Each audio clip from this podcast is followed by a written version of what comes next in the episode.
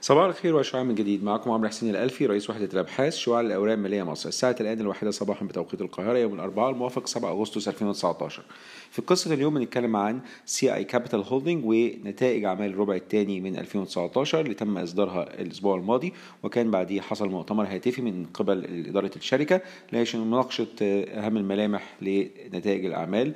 في النصف الأول من 2019 في قصة النهاردة بنركز على أهم النقاط اللي تم مناقشتها في المؤتمر الهاتفي من وجهة من وجهة نظرنا. ولكن قبل ما نتكلم على النقاط ديت بنفكر حضراتكم بنتائج أعمال 2000 والنصف الأول من 2019 للشركة.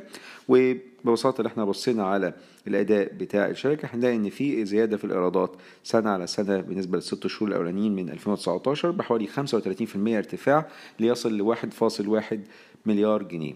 بالنسبة للإيرادات. بالنسبة للأرباح كان في ارتفاع بحوالي 39% لتصل إلى الأرباح ب 208 مليون جنيه تقريبا.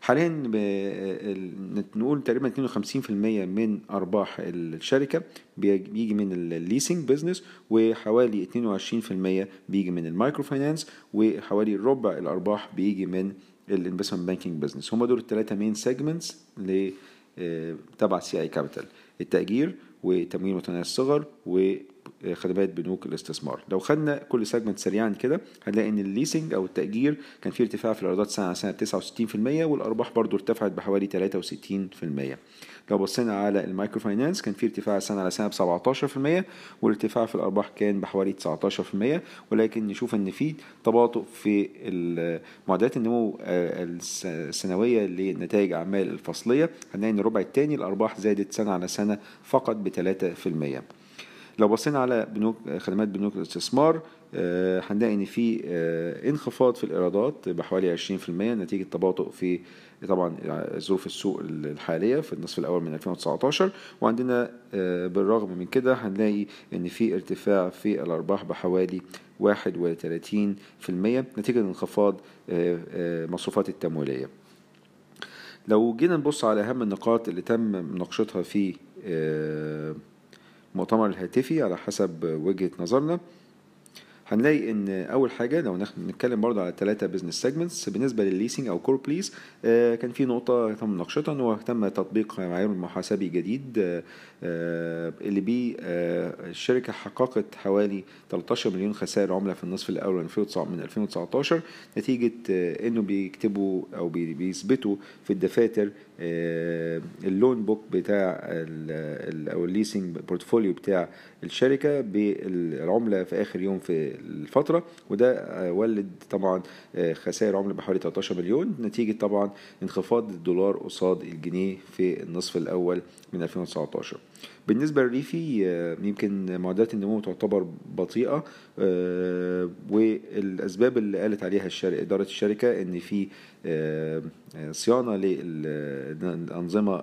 بالشركة وده يمكن مستمر من الربع الرابع و 2018 وخلال الربع الأول 2019 وبنلاقيه بيأثر برضو على نتائج أعمال الربع الثاني 2019 و معدلات النمو بتاعت اللون بوك يمكن جت ضعيفة في الربع الثاني 2019 نتيجة التأخر في فتح بعض الفروع في خلال الربع. بالنسبة لمعدلات النمو المتوقعة للشركة كانت الإدارة بتتوقع 30% سنويا. الشركة يمكن تعيد النظر في هذه التوقعات ويمكن تفكر في إعادة النظر في المنتجات اللي بيتم يعني عرضها أو طرحها في السوق.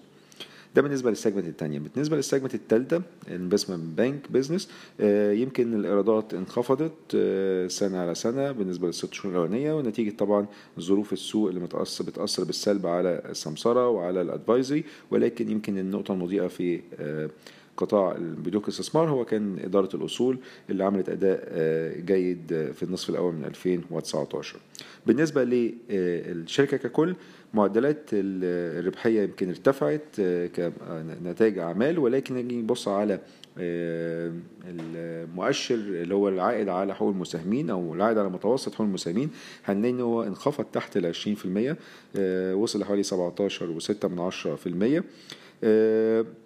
يمكن الشركة ما زالت بت ب target أو بتستهدف إن هي تبقى العائد على متوسط حقوق المساهمين يكون في أوائل العشرينات في المية. آه، وشايفين إن هو في حاجات one-off items بتأثر على الأداء آه، زي فروق العملة. آه، ويمكن ال target بتاع الشركة إن هي تعمل زيادة في الأرباح سنويا بحوالي ما يعادل أو ما يقارب ال 30% عشان تبقى في نص ل 500 مليون تقريبا يعني بنتكلم على ممكن 550 مليون جنيه. لو بصينا على التقييم بتاع سهم سي اي كابيتال بناء على توقعات إدارة الشركة إن هي ممكن تعمل أرباح في 2019 أرباح تقارب ال 550 مليون جنيه يبقى بنتكلم على مضاعف ربحية ل 2019 7.7 مرة. ولو بصينا على مضاعف القيمة الدفترية هنلاقي إن هو تقريبا 1.75 سبعة خمسة وسبعين من مية مرة. يعني واحد وتلات أرباع مرة. شايفين إن هو ده ممكن يبين إن ممكن السهم يكون نسبيا آه، رخيص ولكن عارفين إن في سيولة ضعيفة بالنسبة للسهم في التداولات آه، ولكن آه، رخص السهم بيعتمد على اللي هيحصل في المستقبل طبعا. هل هو المعدلات النمو هتبقى تستمر في في هذه المستويات اللي إحنا شايفينها وخصوصا في ال Reefy لأن تحسن معدلات النمو في ال Reefy اللي هي ال microfinance business اللي هو المفروض يكون أحد أهم مولدات النمو في الشركة. هو ده هيبقى عامل مهم جدا في الفترة القادمة. آه، واللي إحنا شفناه بقى لنا ثلاث أرباع في آه، تباطؤ في معدلات النمو. آه، ده الحاجة الأولانية. الحاجة الثانية إن إن الشركة تقدر تحافظ على صدارتها لسوق التأجير. ودي حاجة لغاية دلوقتي إداء جيد جدا بالنسبة لكوربليس والحاجة الثالثه ويمكن دي اللي هي بتتأثر بظروف السوق إن السوق رأس المال يتحسن في الفترة القادمة.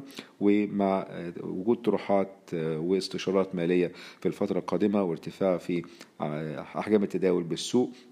مع السبورت اللي جاي من إدارة الأصول إن ده يستمر. ده طبعا هيساعد على زيادة طبعا ربحية الشركة خصوصا إحنا شفنا إن قطاع البنوك الاستثمار آه، أرباحه آه، يمكن آه، أو إيراداته التشغيلية كانت منخفضة سنة على سنة. فأي تحسن في هذا أو هذه السيجمنت هتبقى طبعا حاجة إيجابية بالنسبة للشركة. دي كان ملخص أهم من الملامح اللي إحنا شفناها في المؤتمر الهاتفي للشركة. شكرا لكم السلام عليكم ورحمة الله وبركاته.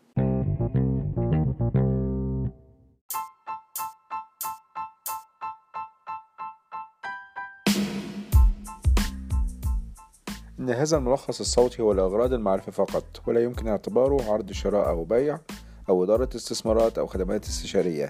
ينصح باستشارة مستشارك المالي قبل اتخاذ أي قرار استثماري.